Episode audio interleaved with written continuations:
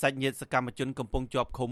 លើកឡើងពីក្តីបារម្ភដូចដូចគ្នាជុំវិញស្ថានភាពជំងឺ Covid-19 ដែលកំពុងរីករាលដាលខ្លាំងនៅទូទាំងប្រទេសជាពិសេសភាពចង្អៀតណែននៅក្នុងពន្ធនាគារការលើកឡើងនេះដោយសារតែក្រមស្ត្រីថ្ងៃសុកនៅថ្ងៃទី12ខែមីនានេះទៅសួរសុខទុក្ខប្តីរបស់ខ្លួននៅក្នុងពន្ធនាគារព្រៃសរប៉ុន្តែត្រូវបានមន្ត្រីពន្ធនាគារមិនអនុញ្ញាតឲ្យពួកគេបានចូលជួបសួរសុខទុក្ខឡើយប្រពន្ធរបស់លោកកកគំភាសមាជិកគណៈបកសង្គ្រោះជាតិ គឺលោកស្រីព្រំចន្ទថាថ្លែងថាលោកស្រីខកចិត្តនិងបារម្ភពីភាពចង្អៀតណែននៅក្នុងពន្ធនាគារក្នុងអំឡុងពេលមានជំងឺ Covid-19 នេះលោកស្រីបារម្ភថាជំងឺ Covid-19 នឹងមានការផ្ទុះឡើងធ្ងន់ធ្ងរនៅក្នុងពន្ធនាគារតាមរយៈអ្នកទោសថ្មីថ្មីនិងមន្ត្រីពន្ធនាគារប៉ះសិនបើពួកគេមានការធ្វេសប្រហែសលោកស្រីទទូចឲ្យមន្ត្រីពន្ធនាគារគួរតែដោះស្រាយភាពចង្អៀតណែននេះចេញនិងបង្កើនបន្ទប់ឃុំឃាំងដើម្បីកាត់បន្ថយចំនួនមនុស្សនិងការពារការឆ្លងរីករាលដាល។ ខ្ញុំសំណពររដ្ឋាភិបាលហ្នឹងណាជួយធ្វើម៉េចឲ្យពន្ធនាគារហ្នឹងកុំឲ្យຕົកតូចចង្អៀតឲ្យឲ្យគុំលៀតគ្នាទៅបើអញ្ចឹងទេឆ្លងហើយនិយាយទៅនៅខាងក្រៅអត់ខ្លាចវិញទេខ្លាចខាងពន្ធនាគារហ្នឹងឯងព្រោះវាណែនតាមតាប់ចង្អៀតហើយមន្ត្រីពន្ធនាគារហ្នឹងឯងដែលខ្ញុំខ្លាចជាទីបំផុតទៅមិនមែនខ្លាចនៅខាងក្រៅវិញទេដោយសារអីព្រោះនៅក្នុងហ្នឹងស្អីជាគោកច្បល់គ្នានឹងស្អីជាស្អីខ្វះខាតគ្រប់ចន្លោះទឹកមួយអីគ្រប់សពបែបយ៉ាងអស់មានមានដូចយើងនៅខាងក្រៅណាហើយមានអីត្រូវការពារអីឲ្យស្អាតស្អំដូចយើងខាងក្រៅអញ្ចឹងខ្ញុំភ័យនៅក្នុងហ្នឹងវិញទេ ស្រដៀងគ្នានេះដែរប្រពន្ធរបស់លោកយឹមសេរ៉េតសមាជិកគណៈបកសង្គ្រោះជាតិគឺលោកស្រីអុកចន្ទធីឲ្យដឹងថាលោកស្រីពុំទទួលបានដំណឹងអ្វីពីខាងក្រុមគ្រួសាររបស់លោកស្រី ដែលកំពុងជាប់ឃុំនៅឡើយដោយសារតែមន្ត្រីពន្ធនាគារបានរឹតបន្តឹងវិធានការសុខាភិបាលខ្លាំងលោកស្រីបារម្ភពីស្ថានភាពសុខភាពប្តីរបស់លោកស្រីដោយសារតែលោកមានជំងឺប្រចាំកាយនិងបញ្ហាភាពចង្អៀតណែននៅក្នុងពន្ធនាគារ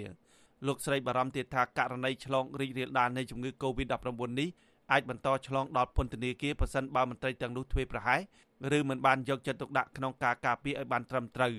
លោកស្រីចង់ឲ្យមន្ត្រីពន្ធនាគារភ្ជាប់ប្រព័ន្ធទូរស័ព្ទដើម្បីឲ្យលោកស្រីបានដំណឹងនិងសុខទុក្ខប្តីរបស់លោកស្រីនៅក្នុងពន្ធនាគារគាត់នៅក្នុងនំក៏គាត់ច្បាស់ជាបារម្ភពីក្រុមគ្រួសារនៅខាងក្រៅដូចតែគ្នាអញ្ចឹងយើងបារម្ភទៅវិញទៅមកបើសិនជាយើងមានទូរស័ព្ទអាចតាក់ទងគ្នាបានអញ្ចឹងអានឹងការបារម្ភក៏វាអាចកាត់បន្ថយខ្លះអញ្ចឹងអូន ប្រពន្ធលោកថនរដ្ឋាសកម្មជនមេដាធម្មជាតិគឺលោកស្រីប៉ាត់រស្មីរៀបរាប់ថាលោកស្រីនឹករលឹកនិងបារម្ភពីសវត្ថិភាពប្តីរបស់ខ្លួនដែលកំពុងជាប់ឃុំក្រៅពីកម្ពុជាមានករណីអ្នកស្លាប់ដោយសារជំងឺ Covid-19 លើកដំបូងនៅកម្ពុជាលោកស្រីទទូចឲ្យរដ្ឋាភិបាលនិងមន្ត្រីពន្ធនាគារគួរតែរិះរកមធ្យោបាយណាមួយដើម្បីឲ្យសាច់ញាតិអ្នកជាប់ឃុំមានលទ្ធភាពសួរសុខទុក្ខក្រុមគ្រួសាររបស់ពួកគេនិងបង្កើនការប្រុងប្រយ័ត្នការឆ្លងជំងឺនេះនៅក្នុងពន្ធនាគារ ខ្ញុំនឹកលឹកគាត់រហូតនឹងហើយខ្ញុំឥឡូវអត់បានទៅជួបគាត់ទេទៀតគិតតែបារម្ភហើយបើសិនពីអាចគួរតែតឡាការអាចឲ្យគាត់នៅខែឃុំអីទៅដើម្បីមកជួបជុំគ្រួសារហើយក៏ដើម្បីឲ្យគាត់នឹងមានភាពកក់ក្ដៅខ្ញុំនឹងគ្រួសារនឹងមានភាពកក់ក្ដៅបាននៅជុំគ្នាចឹង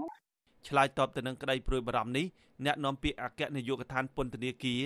លោកនុតសាវណ្ណាមានប្រសាសន៍ថាមន្ត្រីពន្ធនាគារទាំងអស់នៅក្នុងប្រទេសកម្ពុជាមិនអនុញ្ញាតឲ្យអ្នកជាប់ឃុំប្រើប្រាស់ទូរស័ព្ទនោះទេដោយលើកហេតុផលថាដើម្បីទប់ស្កាត់ការប្រើប្រាស់ទូរស័ព្ទក្នុងសកម្មភាពខុសច្បាប់លោកបានបន្តថាមន្ត្រីពន្ធនាគារបានអនុវត្តវិធានការសុខាភិបាលយ៉ាងម៉ឺងម៉ាត់និងតឹងរឹងបំផុតព្រមទាំងសម្អាតអនាម័យនៅក្នុងពន្ធនាគារជាប្រចាំដើម្បីចូលរួមទប់ស្កាត់ជំងឺ Covid-19 ពេលនេះគឺបិទទាំងអស់ទីកម្មប្រទេសដោយសារយើងត្រូវគ្រប់គ្រងសភាពការសន្តិសុខដែរខ្ញុំមិនដឹងថាពេលណាដែលការវាយតម្លៃសភាពការសន្តិសុខទៅអាចអនុញ្ញាតឲ្យយើងចាប់ផ្ដើមប្រើប្រាស់ទូរស័ព្ទឡើងវិញបានទេនឹងគ្រាន់តែស្នាក់នាំប្រពន្ធទៅលោកមានសិទ្ធិសម្រាប់លើការងារនឹងបាន